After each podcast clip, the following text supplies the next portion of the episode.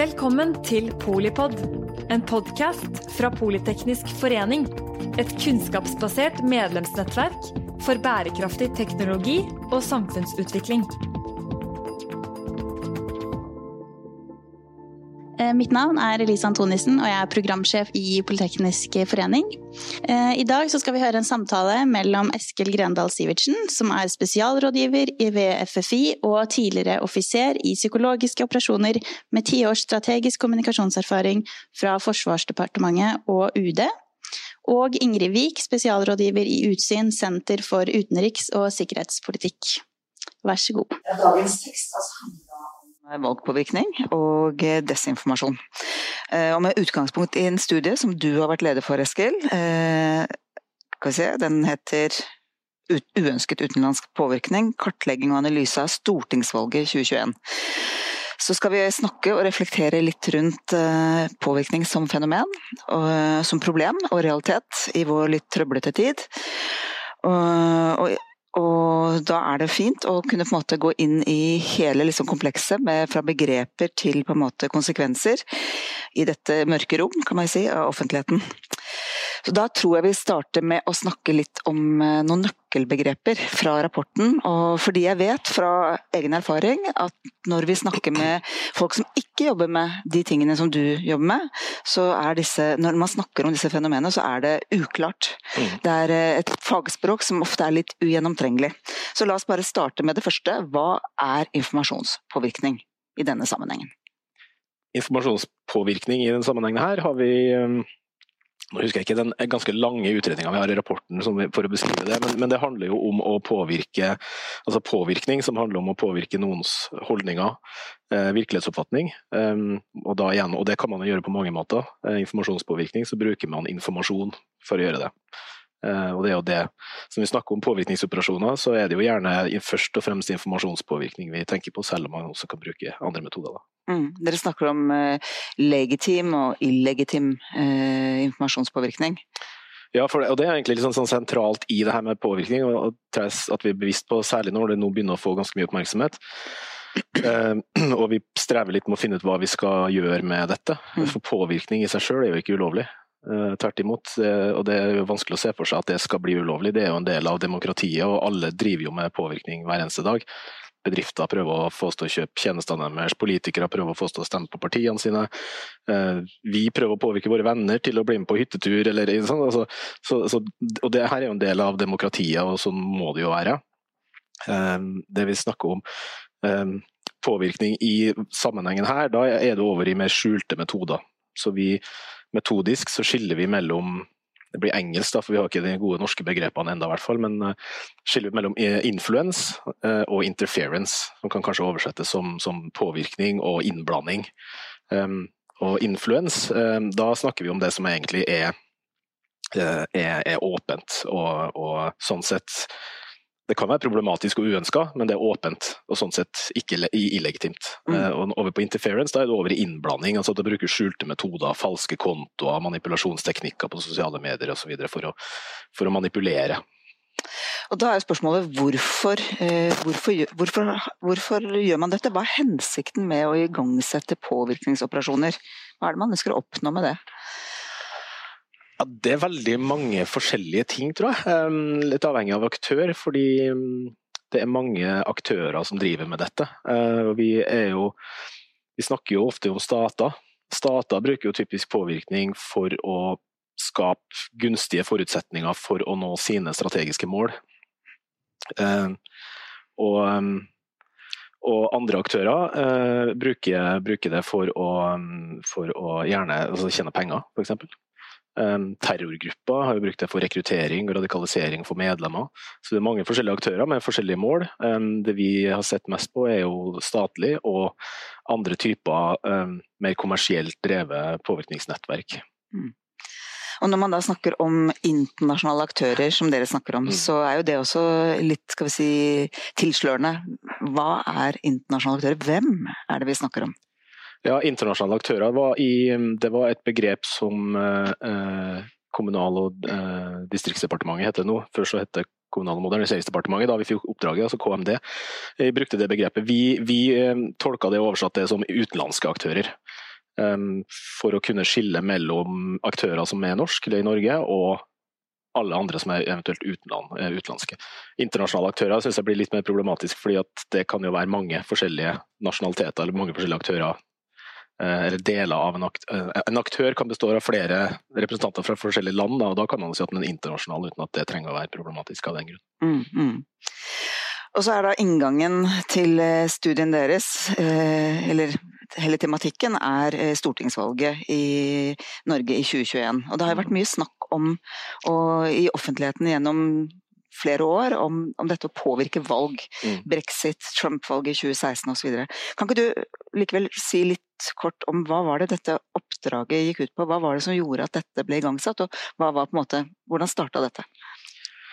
Det starta eh, Solberg-regjeringa eh, skrev en eh, sånn 13-punkts eh, liste, tiltaksliste på hvordan skal vi sikre valget mot uh, utenlandsk påvirkning.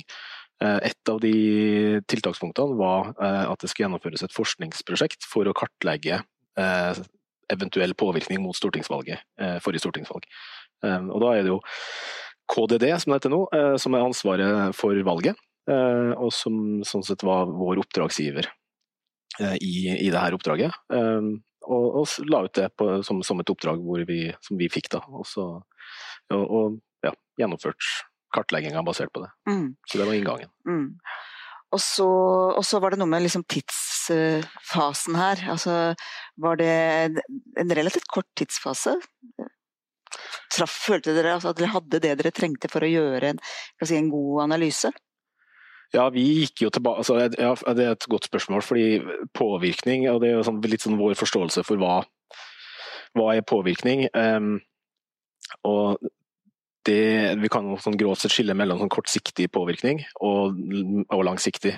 Um, du kan, kan, nok klare å skape en eller annen effekt med kortsiktig påvirkning. Uh, og for oppdraget her, som vi fikk da i Vi starta jo i, på sommeren, uh, og det er jo en ganske kort sånn seks-sju ukers periode. Um, den perioden i seg sjøl, altså, og det gir jo mening å se på den perioden, for det er valgkamp, og da kan man jo se at uh, da, da, er debatten på sitt sterkeste. og og sånn sett så er rommet for påvirkning eh, absolutt til stede. Um, men det er klart, det skal ganske mye til å skape effekt på en så kort tidsrom. Da må dere sannsynligvis så må man eh, komme med en eller annen sensasjonell sant, avsløring av en eller annen korrupt politiker som har begått et eller annet som er så fælt at, at det får stor oppmerksomhet og kan kanskje diskreditere eh, politikeren eller partiet. Um, men det skal ganske mye til, um, og da er det også lettere å bli avslørt. Uh, så kan man si at en aktør som har noe såpass juicy, kanskje da er det verdt å på en måte bli avslørt. Uh, så vil man jo alltid kunne tåkelegge og benekte uansett. Men, men det jeg er mer opptatt av, er den langsiktige påvirkninga over lang tid. Som, som, foregår i mer sånne, sånne små drypp. Um, og det eh, som, som, særlig sånn som Russland opererer, er jo å prøve å svekke tilliten i samfunnet Eh, gå inn i allerede konfliktfylte tema som vi har, eh, hvor du har motsetninger og uenighet. Eh, og gjerne da gå inn i miljøer på sosiale medier og, prøve å forsterke de holdningene, forsterke følelsene og forsterke polariseringa mellom grupper, sånn at det, blir, at det, blir, mer krangling. Og Den type påvirkning er vanskelig å fange opp i et så kort tidsrom. Men vi gikk jo, i våre datasett så har vi på flere områder så har vi gått tilbake to år i tid. Um, og Det er jo for å, se, uh, for å kunne se trender. Fordi, for å se også hvis de funnene som vi gjør i den seks-sjukersperioden, um, er det et avvik fra en normal? Uh, det var jo vanskelig å svare på hvis vi ikke vet noe mer. Så Derfor gikk vi tilbake i tid for å kunne se liksom, om er det noe avvik her som vi kan detektere. Mm. Og så, og, så, og så, skriver dere da også innledningsvis i rapporten at dere kunne egentlig ikke påvise at, at utenlandske aktører hadde blandet seg inn og påvirket valg og tilliten til valget mm. i 2021. Men dere fant ganske mye annet interessant. Det må du fortelle om. Ja, um, vi gjorde det Ta først akkurat det med, med, med, altså med valget. Da, for vi, vi, måtte jo definere altså valgpåvirkning. Hva, hva er valgpåvirkning? Uh, fordi, også fordi at oppdraget var i et såpass kort tidsrom, uh, altså den kartleggingsperioden, uh, så definerte vi valgpåvirkning som påvirkning som, enten, som er egnet til å enten påvirke valgresultatet, um, valgdeltagelsen eller tilliten til valggjennomføringa. Og da eh, må vi jo gå kvalitativt til verks på noe, da, for å se, for det må et menneske til, i hvert fall foreløpig, for å vurdere liksom, hvilken mulig effekt kan dette ha. Um, men det er en ganske snever definisjon, så, så all sånn svekkelse av tillit og forsterking av konflikter og sånne ting, det går jo utenom sånn sett i, i denne rapporten. Um, uh, for, for, å, for, å, kunne gjøre det. Mm. Så glemte jeg hva du spurte om. for jeg bare... Nei, nå må du fortelle mer. Altså, dere fant jo i ja, rapporten så beskrives det altså, ting dere faktisk fant, som er veldig mm. interessant lesning. Ja. Eh, jeg er jo glad du spør om det, fordi jeg var jo litt redd for at når vi kom med en rapport som på en måte friskmeldte valget fra påvirkning, så kunne folk puste lett ut og tenke at ja, ja, men ok, da var det nok ikke noe problem likevel. Um, så selv om vi, når vi sier at vi ikke fant uh, at utenlandsk, uh, tenkt at utenlandske aktører forsøkte å påvirke valget, så er det da knytta til de tre, tre kriteriene. Mm. Uh, men, vi fant, men, vi fant, mye annet.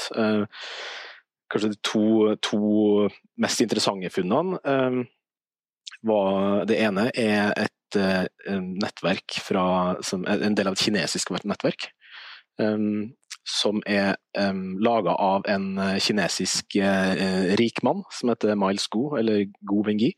Um, som har uh, Han var, uh, bodde i Kina, uh, slo seg opp stort på eiendom og ble styrtrik. kom på kant med kommunistpartiet. Og så flytta han til USA, og der uh, teama han opp med Steve Bannon. Som, som, vi kjenner som rådgiveren til Trump og mannen bak Breitbart News og liksom alt-right en stor, stor, viktig mann på amerikansk alt-right-side. Og uh, Miles Goe han har bygd opp et svært påvirkningsnettverk bestående av mange tusen uh, profiler på sosiale medier. Og det ser ut til å være delvis bots, men, men veldig mange autentiske brukere som kan mobiliseres eh, med et budskap eh, når man trenger det. Og så har han bygd opp to mediestasjoner. Eh, og han bruker jo det nettverket, han sprer det mye QAnon, konspirasjonsteorier, antikommunistpartiretorikk og desinfo om, om covid-19 så vi veldig mye under pandemien. Uh, og det skrev en uh, grafiker, skrevet en, en analysebyrå Grafika skrev en egen rapport um, på, om, om, det nettverket, um, som, som, er ganske interessant. Men da, da, vi fant vi fant Plutselig så fant vi én norsk Twitter-konto, eller en, en Twitter-konto som spredde desinformasjon om covid-19 uh, på norsk.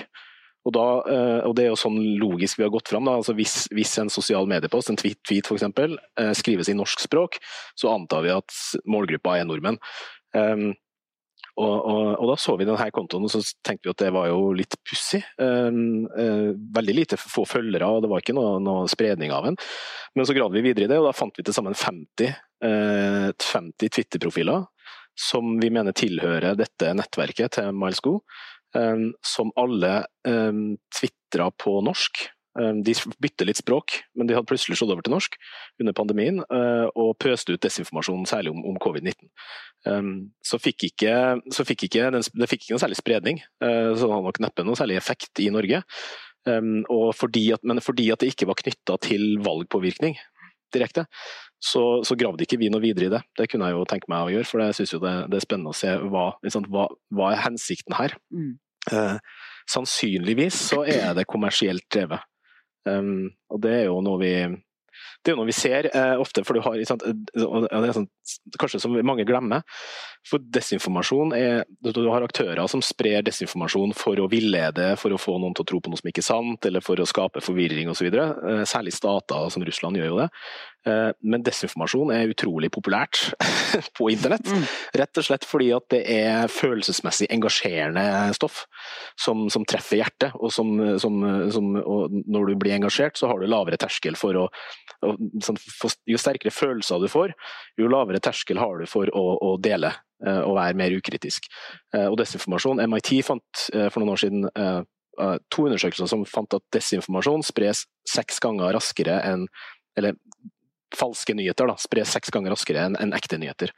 Uh, nettopp fordi at det er mer sant, emosjonelt drevet. Her er det en, et utrolig samspill mellom på en måte en uh, teknologi og en business, uh, eller si, forretningsidé bak den teknologien og denne desinformasjonen. Ja, fordi da bruker det, sant, fordi at det, det, genererer masse datatrafikk, den delinga. ikke sant? Og det er jo interessant for annonsører. Og, og derfor så har du mange nå. Jeg tror ja, jeg har ikke sett noe sånt, jeg, jeg vet ikke om det er mulig heller å skape en sånn fullstendig oversikt over hvem som er de største aktørene som sprer desinformasjon sånn globalt sett. Men jeg vil tro, uh, nå skal jo ikke jeg tro som kommer fra FFI, men, men sånn, jeg kan, jeg kan gjøre det litt, da. Um, så, altså, så, tror jeg den kommersielle delen, som ikke har noe, noe agenda eller noen politisk interesse nødvendigvis, men bare er ute etter å tjene penger. Mm. Fordi at det genererer, genererer inntekter. Er det dette du, når du beskriver et slags sånn økosystem av påvirkningsaktører og systemer, er det denne måte koblingen mellom politikk, kommersialitet, altså business, altså er det hele det, eller er det For det er et begrep jeg ser dere bruker, økosystem. Ja, vi, eh, vi, har brukt det for Men da har vi snakka konkret om Russlands eh, Russland har laga det som amerikansk eh, utenriksdepartementet gjorde en kartlegging av um, Russlands aktiviteter etter valget i 2016 eh, i USA. Um, og har laga en modell som de kaller et økosystem, altså det russiske desinformasjonsøkosystemet. Um, og det, Grunnen til at det kalles et økosystem, det er jo fordi at det er altså det, det kan nesten forstås som et økosystem. Det består av fem si, pilarer, fem komponenter, i, i spennet mellom åpent, til fordekt. Litt som vi snakka om i stad, mellom influence og interference. Eh, og i, helt ut på, på venstresida, på det som er åpent, så har du eh, offisiell myndighetskommunikasjon. altså For Russlands del så er det jo sant, når Lavrov eller Putin står og snakker, eller den russiske ambassaden i Oslo legger ut noen ting, eller altså, alt russisk offisielle kilder. Så har du den andre, som er statskontrollerte medier, sånn som RT og Sputnik og nyhetsbyråer som TASS osv. Um, så har du den tredje, som er proxy-aktører. Og det er eh, en ganske interessant kategori, for det finnes ganske mange tilsynelatende autentiske, legitime nyhetsplattformer, tenketanker, eh, forskningsinstitutter osv. Som, som, som, som ser ut som de er helt legitime, men som er styrt eller kontrollert av eh, russisk etterretning eller Russland på en, på en, eller annen måte. Um, og Så har du sosiale medier, manipulasjon der, og så har du inn i cyberverden på cyber-enabled disinformation, som de kaller det. Og Da er det over i sånn type hack and release-operasjoner, sånn som vi så i 2016-valget i USA. Um, så brøt jo russerne seg inn på demokratenes mailserver og stjal disse e-postene uh, med Hillary Clinton, som de da lekka på et taktisk tidspunkt i valgkampen for å diskreditere Hillary Clinton og, svart, uh, og, og, og fremme Trump. Da. Har du, har du noen andre eksempler på den type påvirkning? Valgpåvirkning fra Europa f.eks. Altså, vi alle kjenner jo denne, dette Trump-valget, og det har vært snakket mye om det. Ja. Det er liksom starten på, eh, på den eh, på, offentlige bevisstheten da, rundt hvordan dette fungerer. Ja, um, det er, jeg må ta det først, ta ferdig på akkurat med økosystem. Grunnen til at det kalles et økosystem, er fordi at det opererer som et økosystem. Ja. Så at du har eh, da har jo Russland kontroll på veldig mange plattformer, kilder og, og nettverk for å pushe ut informasjon. Både åpent, sånn som i offisiell myndighetskommunikasjon og for så vidt statskontrollerte medier, eh, til fordekt. Som det ser ut som det kommer fra noen andre, men så er det egentlig Russland som står bak. Eh, og Der, har, så der kan f.eks. En, en tilsynelatende uavhengig tenketank eller et forskningsinstitutt kan legge ut en sak eller en rapport, og så skriver kanskje RT en, en nyhetssak om den rapporten. Uh, og, så, uh, og, så, blir den spredd på sosiale medier, og så bruker man uh, bots og, og, og, nettverk for å forsterke spredninga av den saken. Så blir den kanskje så stor at kanskje tradisjonelle andre medier plukker den opp i utlandet andre steder. og Da får du kanskje en kommentar fra russiske offisielle myndigheter, og så blir det kanskje en ny RT-sak. og Så har du en sånn rundene, så den enes output blir den andres input, og så vriver man litt på det, og så forsterker man det, og så har du det gående. ikke sant? Akkurat som et, som et økosystem med fotosyntese, om man vil. Um, så Det er jo grunnen til at de kaller det et økosystem. Mm. Men Da må jeg spørre deg, for du spurte deg om et eksempel på valgpåvirkning, men har du et eksempel på det du her beskriver, også fra norsk offentlighet i dag? Altså det, har, dere, har, dere, eksempler på type nettsteder, medier, alternative medier, som nettopp er en del, eller blir, uh, ubevisst eller bevisst, altså del av et sånt økosystem, eller formidlere? Ja, det vi fant på som var altså en av de tingene vi så etter, var jo i hvor, stor, hvor mange deler innhold, lenker, til disse russiske kildene. Eh, og da gjør vi jo stordataanalyser for å se på koordinert lenkedeling og sånne ting. Um, og se, vi fant I den perioden vi så på, så fant vi etter våre funn, så ser det ut som at mesteparten av spredninga av innhold som kommer fra dette russiske økosystemet, det, det kommer inn i den norske offentlige debatten på, på sosiale medier. Um, og det ser ut som at det skjer mest altså, organisk, vil si av, av nordmenn som av ulike grunner hente lenke til informasjoner, eller hente, bruke den informasjonen uh, inn, i, inn, i, sosiale medier. Um, som, altså, som, som, altså, at de ikke står i ledtog med Russland på noe, på noe vis, men at det, altså, det, skjer naturlig. Fordi at man kanskje er enig i det som står der, og, og bruker det som kilde. Um, og så er det jo noen blogger, blogger av alternative medier som, som henter Eh, som henter stoff derfra. Og, og, Faktisk har jo eh, gjort en, en jobb nå de siste uka altså faktisk.no. Faktisk mm. um, for å se på, på særlig på Steigan. For Steigan utmerker seg jo da med å bruke mange uh, altså lenker ofte til, til, russiske kilder, uh, og også legge ut artikler i, i, i sin helhet uh, fra det systemet. Um, så kan man jo også argumentere, så, så, blir jo debatten vanskelig, da. fordi Skal man ikke bruke russiske kilder fordi at det er russiske kilder, Um, Nei, altså det er jo viktig å se hva som står der. Um, men det er jo en vurdering da, om altså, hvordan man bruker det. Er dette et, et, et, er det noe man kan stole på, uh, eller er det ikke det? Uh, og der er jo også uh, Russland opererer jo smart der også, for det er jo ikke bare desinformasjon og propaganda her. Um, for å ha en troverdighet, hvis du ser på RT f.eks. Journalistikken der er, det er jo ikke bare desinformasjon. Eh, det er jo også god journalistikk eller vanlige saker, altså nyheter som kunne stått uh, hvor som helst. Mm. Eh, men det er en blanding, da. Og så er det ofte altså heller ikke sant eller usant.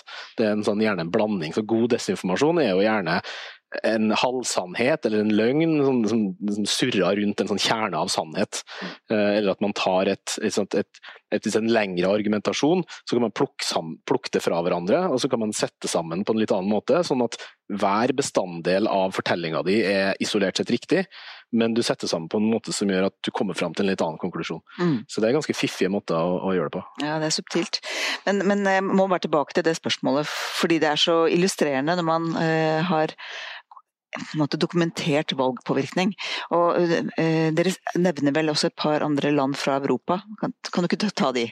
Hvor det, man rett og slett har klart å dokumentere dette? Ja, det er mye som er dokumentert, og så er det jo um, mange, for, altså, um, mange, forskjellige metoder som brukes, og det er vanskelig å sammenligne sånn fra land til land. Uh, men uh, i perioden det ble kartlagt valgpåvirkning i perioden 2016 til 2019, så ble det hvert fall dokumentert innblanding i valg, i 20 valg i verden i den perioden.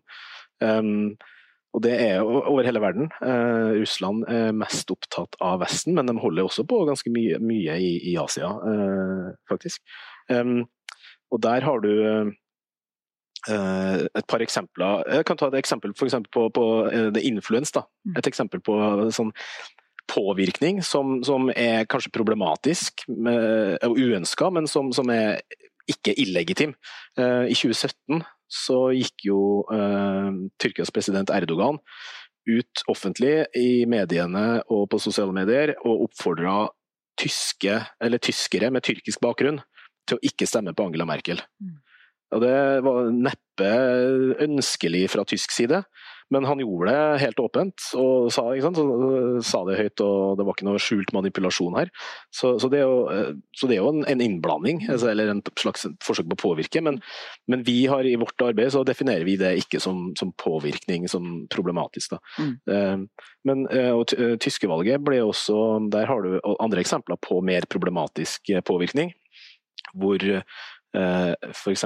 du har høyre høyreekstreme grupperinger i Tyskland fikk i drahjelp fra høyreekstreme miljøer internasjonalt for å, å, fremme forskjellige budskap og forsterke sosial medieaktivitet eh, i forbindelse med, med, valget i Tyskland i 2017. Um, på, på, på, måter som var, foregikk skjult. Da. Uh, og Frankrike har vi også sett uh, men der er vel rådende oppfatninga av de som har skrevet rapporter på franskevalget, franske valget, tror jeg også var i 2017, var ikke? Um, mm. At det ikke var vellykka. Men det var jo sånn vi prøver å, sånn mm. klassisk eh, så splid og, og sverte politikere og sånn, um, men var mindre vellykka. Mm.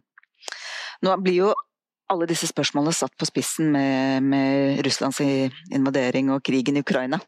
Eh, I hvert fall så tenke, er det vel lett å tenke seg at informasjons, altså informasjonskrigen er i, høyst, eh, i høyeste grad pågående, og at det også vil slå inn i et Nato-land som Norge, som også er nabo med Russland.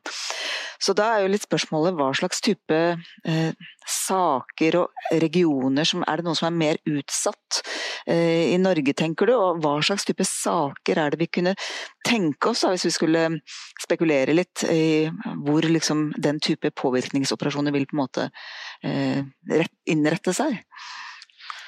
Jeg tror det er to ting. Det ene er det som vi ser Russland gjør nå, særlig har sett under, under krigen nå de siste ukene, ehm, med å skape tvil og forvirring. Som ikke er retta mot et norsk publikum direkte, men, men internett er jo grenseløst. og Det er jo samme som vi Altså, de budskapene som handler om å tåkelegge hva, hva, som skjer. Um, skape alternative fortellinger og hvis du gjør det nok, pusher det nok mer og mer og mer, og mer så, så, vil vi nok ubevisst også kanskje begynne å tenke ja, men hva er egentlig sant? Kanskje det er noe i det som Russland sier? Kanskje det ikke er helt sånn som vi får det framstilt? Uh, og, da, så, og det vil jo også treffe et norsk publikum, selv om det ikke er målretta mot Norge. Men det er klart det vil jo være i Russlands interesse å få flest mulig i Vesten til å tvile på på, på, Ukrainas og Zelenskyjs fortelling, og, og, kanskje, om de ikke helt liksom, kjøper Russlands fortelling, så i hvert fall skaper tvil. Um, så Det er det ene, som vi er en del av et, liksom, et internasjonalt publikum der, som vi får det på. Um, det andre er jo hvis man ser for seg en aktør som ønsker å gå målretta på Norge. og Hvis vi skal bruke empiri, da, sånn som Russland har operert før, så er jo det um, å bruke sånne klassiske konfliktlinjer, altså tema som er konfliktfylt i den norske offentlige debatten. Um, og det kan jo være sant, alt ifra eh, klimatiltak, vindmøller Ulv kan det jo kanskje være, jeg er litt usikker på den. Jeg hører flere snakke om ulv som en sånn konfliktsak. Det kan godt hende at, det, at den er stor nok. Men jeg tror kanskje den, den viktigste er er en del av en større sånn globalt narrativ nå, som handler om, om eliten og folket. Mm. Um, og, og, og der blir jo hovedstaden av Oslo blir jo på en måte det geografiske senteret for eliten, og så har du distriktene, og særlig, kanskje særlig Nord-Norge ville jeg vært eh, mest opptatt av sånn fra et sikkerhetspolitisk ståsted. Mm. Uh, å skape splid, motstand, forskjell, sånn at, uh, å svekke tillit. Så det, det, man gjør er på en måte å utnytte allerede si, eksisterende skillelinjer, mm. og, så splid, eh, og bidra til å, måte, bygge, eller, til å svekke tilliten da, mm. mellom Og da er det i hvert fall en debatt som kanskje er i emningen nå, er jo eh, en ny EU-debatt, mm. i lys av krigen. Mm. Det tenker jeg vel kanskje kan være et, en sånn type sak. Der ligger det vel litt krutt det er absolutt. Det vil jo være altså, Enhver sak som uh, er egnet til å uh, engasjere mange folk, mm. og uh, med sterke følelser, er jo egnet til, til, å påvirke. Og en, e, et EU-spørsmål kan jo også være spesielt interessant fra, fra, fra Russlands side, f.eks. For eksempel. fordi at Russland, av det vi, måten vi ser dem operere på, bærer jo preg av et ønske om å splitte samholdet internt i enkelte land, og også splitte samholdet mellom land. Eh, de ønsker jo helst å forholde seg til enkeltland, og ikke til EU som blokk. Eh, det er lettere å liksom ta én og én, og forholde seg til én og én, og så, så, så splid. Um, og Derfor så, så kan jo, hvis, hvis, Russland har et ønske om at Norge ikke bør være med i EU, f.eks., uten at jeg kan, vite det, så kan det hende at de vil ha en ekstra interesse av, av det. Um, men vi må jo vi må snakke litt om, eh, om, mottiltak. altså Hvordan tenker du at eh, norske myndigheter og sikkerhetsmyndigheter er på ballen her? Vi, henger vi litt etter, eller er, vi, er det liksom adekvat respons nå, tenker du? Jeg syns det har vært eh, interessant å se hvor mye som har skjedd på ganske kort tid. Eh, jeg har jo holdt på med det her i noen år og opplevd å bli møtt med interesse. Eh, prøvd å snakke om at dette må vi ta på alvor. Eh, og blitt tatt på alvor og blitt med interesse, men at det kanskje er litt sånn fjernt. Eh, og det er kanskje litt sånn vanskelig å vite, sånn forstå helt hva er det vi snakker om. Men så tror jeg når pandemien kom, hvis du kan si én positiv ting med pandemien, så har den jo virkelig vist for de aller fleste altså helt vanlige nordmenn at desinformasjon og spredning av falske, falsk informasjon på nettet er et kjempestort problem. Som ikke er bare problem fordi at det er forstyrrende, men fordi at hvis nok nordmenn tror på at uh, Bill Gates har putta uh, chips inni, uh, inni, vaksinen for å spore deg via 5G-nettet, og dermed ikke vil ta vaksinen, så, så vil jo det få problemer, gi problemer for norske myndigheter. Mm. og at folk ikke vaksinerer seg. Så der, så der er jo sånn påvirkning kan ha et, et, en reell skadelig effekt. Et eksempel på det. Så der har vi jo sett um, plutselig så våkna samfunnet, pressen våkna. Nå har vi jo fått Eh, og særlig nå under krigen, eh, siden eh, Russland gikk inn nå 24. februar. Fått, sant, hver redaksjon driver jo noe med digital forensics og faktasjekke og sjekke geotagging og på filmer ikke sant, og sammenligne med satellittbilder liksom, for å prøve å finne ut hva er desinformasjon og hva er ikke. Så det har skjedd formidabelt mye synes jeg, på veldig kort tid. Det er veldig bra. Så uh, mener jeg jo at vi henger litt etter sånn, på myndighetsnivå. Um, problem, det største problemet tror vi har nå, er at vi ikke har situasjonsforståelse, rett og slett. Vi mm. har Jeg liker å jeg prøver å bruke et bilde sånn, i Forsvaret. Hvis du sitter i et hovedkvarter da, og driver operasjoner, så har du jo eh, Si at du har tre skjermer, da, du har mange flere. men eh, det vi Militært så deler vi det vi kaller informasjonsmiljøet. Det består av tre dimensjoner. Du har det fysiske, eh, det virtuelle og det kognitive. Um, og vi har jo vi har, åpenbart, hvis du, for, hvis du, skal ta riktige beslutninger, forstå trusler, ta riktige beslutninger, så må du ha situasjonsforståelse, du må vite hva som skjer rundt deg. Eh, og I det fysiske dimensjonen så er det jo sant, Vi har radarer, vi vet hva som flyr i lufta, vi vet hva som er under vann, vi vet liksom hva som er rundt oss. Så Den skjermen, der står det liksom masse informasjon. Den andre skjermen er det virtuelle, som er, altså, inkluderer cyberdomenet. Uh, og der har vi jo, uh, Den skjermen var jo svart inntil for noen år siden. Uh, og så skjønte vi jo at ok, cyber det er en kjempeutfordring som vi må bli bedre på. Så har vi blitt gode der. Så nå står det masse god informasjon på den skjermen. Vi har god situasjonsforståelse i cyber, virtuelle domene. Men den kognitive dimensjonen, som sant, er befolkninga, menneskene, Eh, de underliggende driverne og også hva som skjer på sosiale medier av manipulasjonsteknikker og, og, og skjult altså informasjonspåvirkning, den skjermen er helt svart. Ikke helt svart, kanskje, jeg kanskje litt. Men problemet er jo at vi, eh, vi, vi mangler en overordna funksjon mener jeg, da. Eh, fordi vi har sektorprinsippet i Norge, og det er masse bra med sektorprinsippet. Mm, men vi har jo da er det 16 departementer eller noe sånt, eh, som har ansvar for hver sin sektor. Så påvirkning rettes jo mot altså Uansett hvilket tema du retter påvirkning mot, så er det et departement som har fagansvaret for det temaet. Men, hvis, eh, men det er ingen som sitter og aggregerer eller vet hva man skal se etter. Så vi, vi, har, ikke, vi har, ikke, noe aggregert noe situasjonsforståelse på overordna nivå. Så vi, har, vi, vet ikke hva som foregår av påvirkning mot hele samfunnet sånn på tvers av sektorer. Eh, og Da er det også vanskelig å kunne vite hva er normalt. Eh, det er vanskelig å kunne fange opp avvik fra normalen. Eh, og det er vanskelig å vite hva vi skal forebygge og hva vi skal eventuelt håndtere. Mm. Og Der foregår jo mye arbeid, arbeid i disse dager. Mm. Så det skal bli spennende å følge. Sverige har introdusert et psykologisk forsvar. Mm. Er det, for det første, hva, hva, hva, betyr det, og er det noe som Norge burde gjøre òg? Ja, Sverige har etablert eh, fra 1.1 eh, det de kaller for myndighet for psykologisk forsvar. Eh, som har som mandat å, å kartlegge informasjonspåvirkning i Sverige, svenske interesser. Og også drive rådgivning, opplæring, kompetanseheving i, i, statsapparatet og hos dem som trenger det.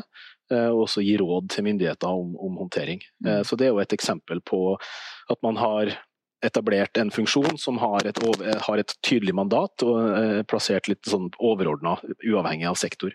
Um, og de fleste land som det er naturlig for oss å sammenligne oss med, som det heter, um, har nå etablert tilsvarende funksjoner. Um, Uh, der, uh, så der syns jeg vi henger litt etter. Uh, vi bør få på plass, etter mitt syn, en sånn type funksjon. Hvordan det skal se ut, det, det må jo bli et arbeid da, for å se på hvordan kan dette se ut i en norsk kontekst, med de hensynene som vi må ta. men det syns jeg jo absolutt Opplever dere som jobber med disse spørsmålene til daglig at det er si, tilstrekkelig bevissthet? F.eks. Eh, på Stortinget, eh, altså politik, politiske ledere, folk som på en måte er med og setter agendaer, driver, driver debattene, som jo vi skal ha i et demokrati. Ja. Tror du de forstår eller har tilstrekkelig kunnskap og bevissthet om hvordan sånne sårbarheter oppstår og hvordan det kan utnyttes?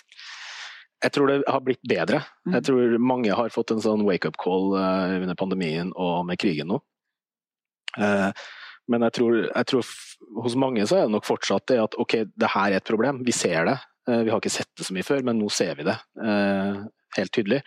Men derfra til å vite hva, hvordan angår det meg, det tror jeg det er veldig varierende. Du har sant, alt ifra dem som er virkelig gode og påskrudd på det her, til, til kanskje mange som kanskje tenker at ja, men det angår jo ikke meg. Eh, fordi at jeg jobber jo i en virksomhet som, som ikke er så interessant, ikke sant? eller min jobb er ikke så viktig osv. Um, og, eh, og, det gjelder jo ikke bare påvirkning, men det gjelder jo sammensatte trusler uh, i sin helhet.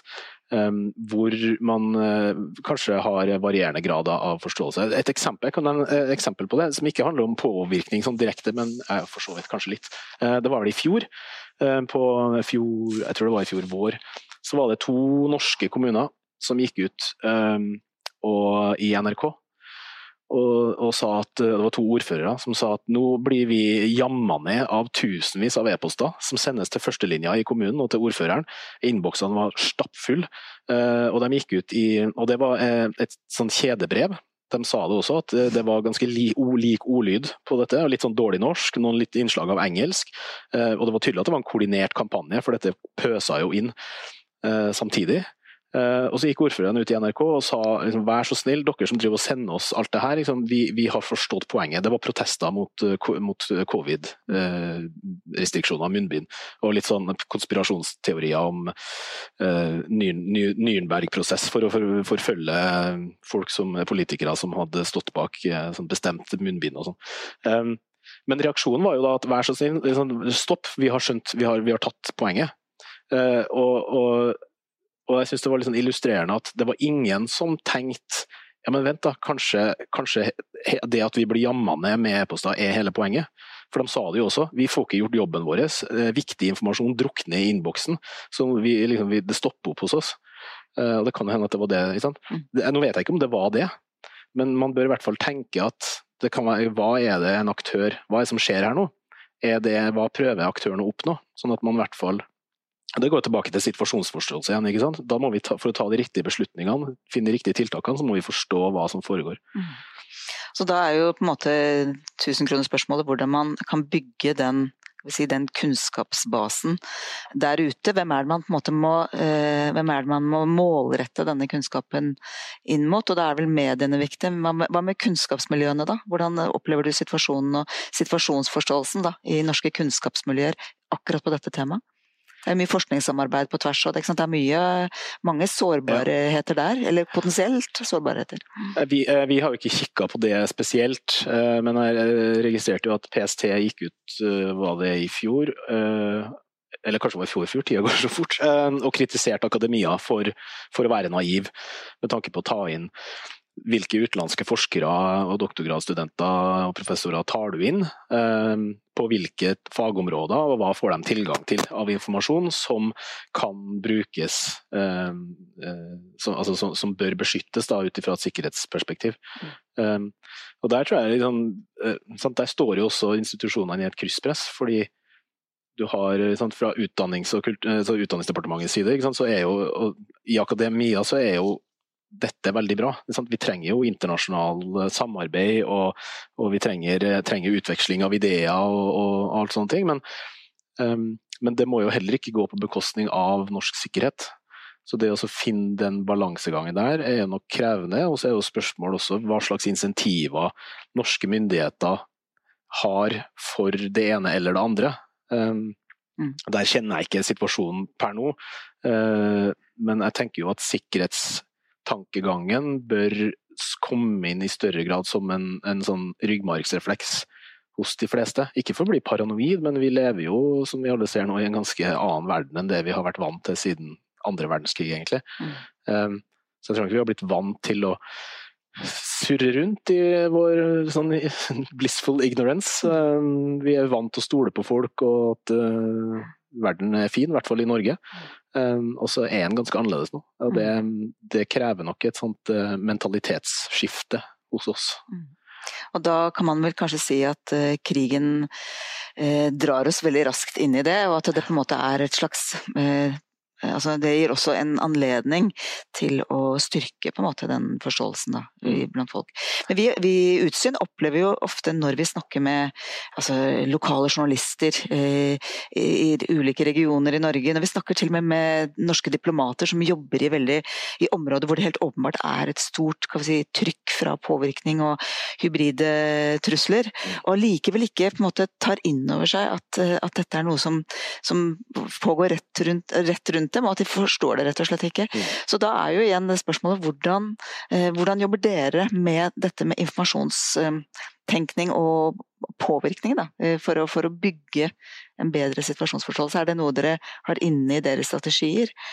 Eh, inn mot myndigheter, inn mot utdanningsinstitusjoner og, og På FFI, tenker du? Mm, ja.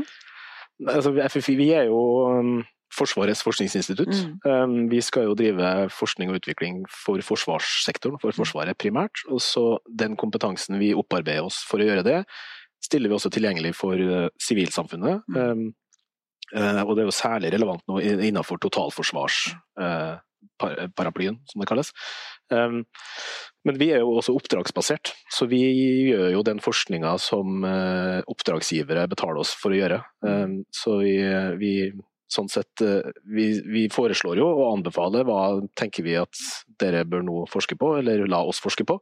Eh, men det er jo til syvende og sist eh, oppdragsgivers behov som dikterer det. Mm. Så vi har jo ingen sånn rolle, med mindre vi blir spurt.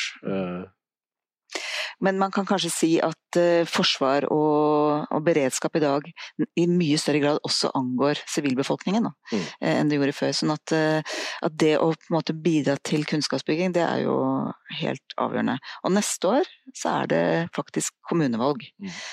I altså da halvannet år etter et krigs, en dramatisk krig, som kanskje også pågår på det tidspunkt. Kan man da forvente påvirkningsforsøk, og hva krever det da i så fall av hver enkelt av oss?